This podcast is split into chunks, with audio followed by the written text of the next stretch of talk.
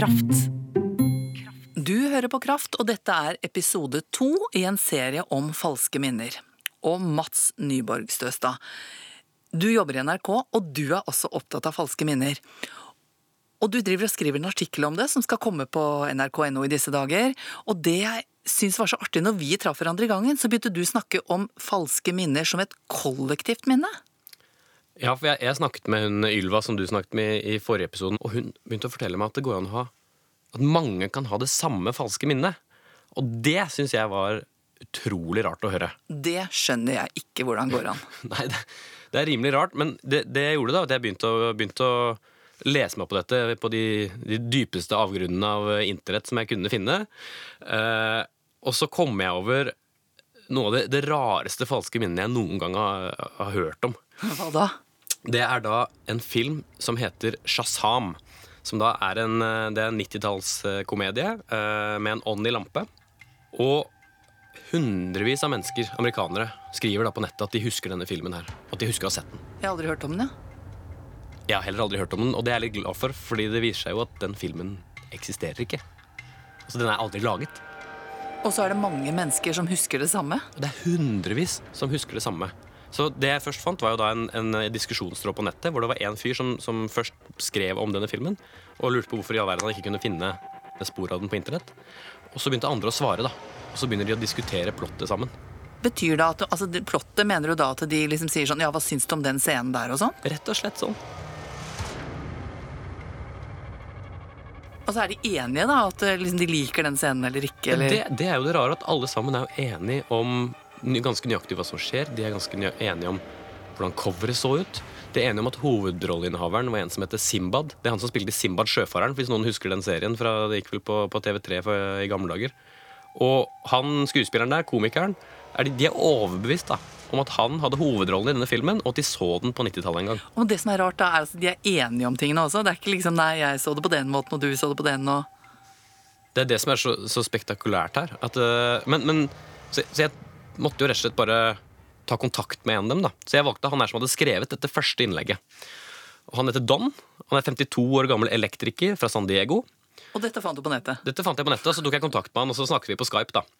Og Don han forteller meg da at han Det er jo akkurat som altså, se, for deg, se for deg at du fikk høre en dag at 'Løvenes konge' ikke er ekte. Så Det var sånn det var for han. da. Dette er en del av barndommen hans. En del av ungdomstida hans.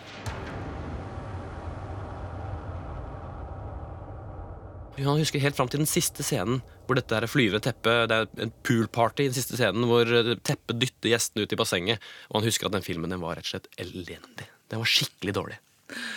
Ja. Så det er liksom ikke den beste filmen han har sett. Det, var bare en dårlig, vanlig genie-komedie. Ånd i lampe. Og så har det altså blitt masse mennesker da som skriver om dette felles, og, og, har felles opplevelser med det. Ja, han Don sier at han kan gå bort til hvem som helst på gata og kanskje ja, 70% av de han møter, da, sier amerikanere, sier de har sett filmen.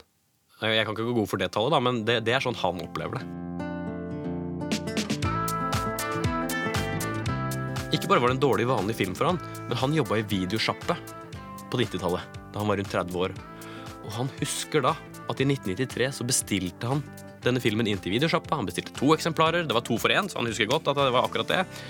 Han husker at uh, filmen var så dårlig at alle disse at alle kundene leverte den tilbake og krevde pengene tilbake. og Derfor måtte han sitte og spole gjennom og se den på nytt og på nytt og på nytt på jakt etter sånn uh, feil på VHS-båndet.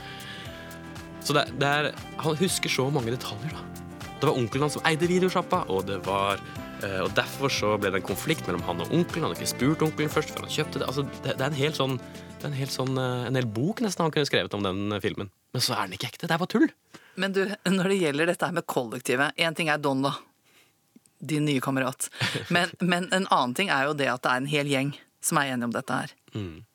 Du nevnte meg noe om et eksperiment du hadde prøvd. Ja, ja for da jeg leste om, om Don og snakket med Don, så det første jeg tenkte, var jo det, hvordan går det an? Det, det er det så lett? Så det, det, jeg bestemte meg for å gjøre, var rett og slett å teste om vi kunne greie å plante falskt minne selv.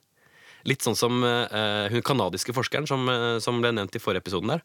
Hun som rett og slett prøver å plante falske minner. Så vi bestemte oss for å se om vi kunne få det til selv. Uh, men, eh, ja, men vi har litt, vi har litt sånn eh, NRK her og sånn. Kan du bare være litt rask? Men i hvert fall eh, Så det vi gjorde var vi eh, fikk med oss Ylva, som eh, jobber oppe på Blindern. Og så bestemte vi oss for å prøve å lure klassen hennes med psykologistudenter. Hei, PC-en min? Hallo! De satt i klassen, hadde forelesning med Ylva, og så plutselig da kommer min kollega Martin inn i rommet. Altså en annen En NRK-journalist. annen NRK-journalist. Det visste ikke de, da. Så satt de der, og så kommer han inn og avbryter forelesningen og sier at ja, jeg kommer fra teknisk, og jeg skal, jeg skal eh, bare hente en ledning. Og så plutselig så stikker han av med laptopen til foreleseren.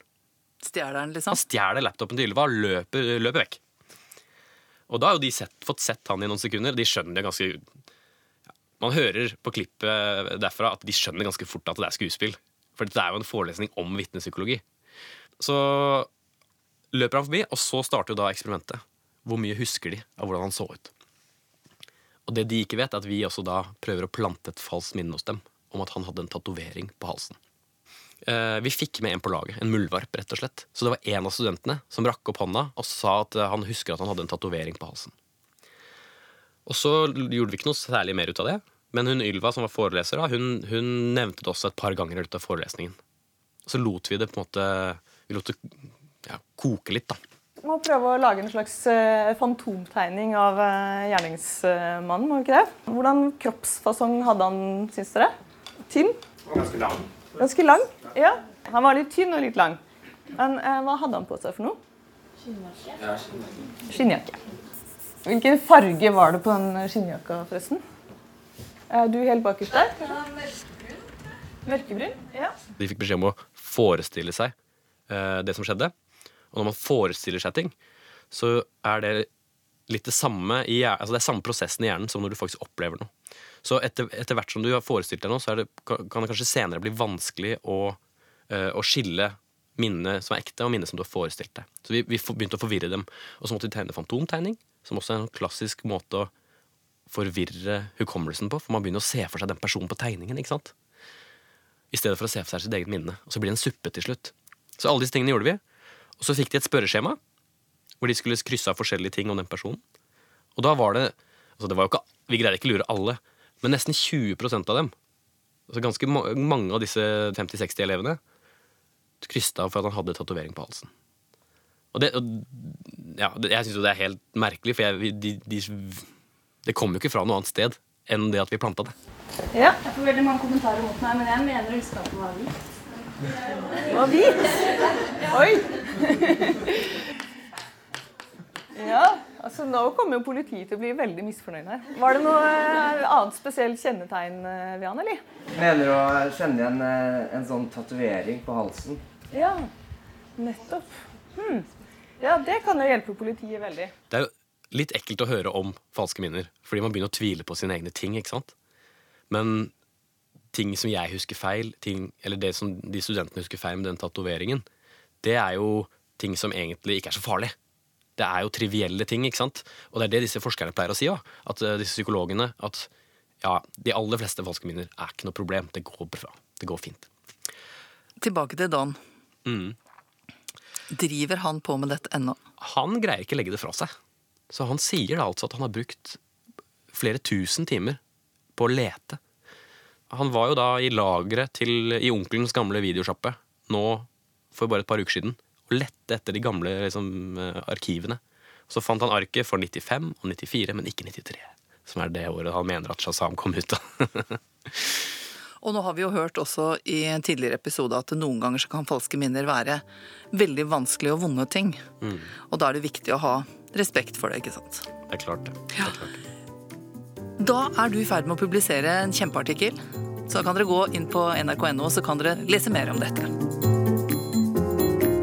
Og neste episode kommer om ikke så lenge. Jeg skal bare slappe av litt først, for det skal handle om hvile. Du har hørt Kraft, en podkast om livet ditt fra NRK P2.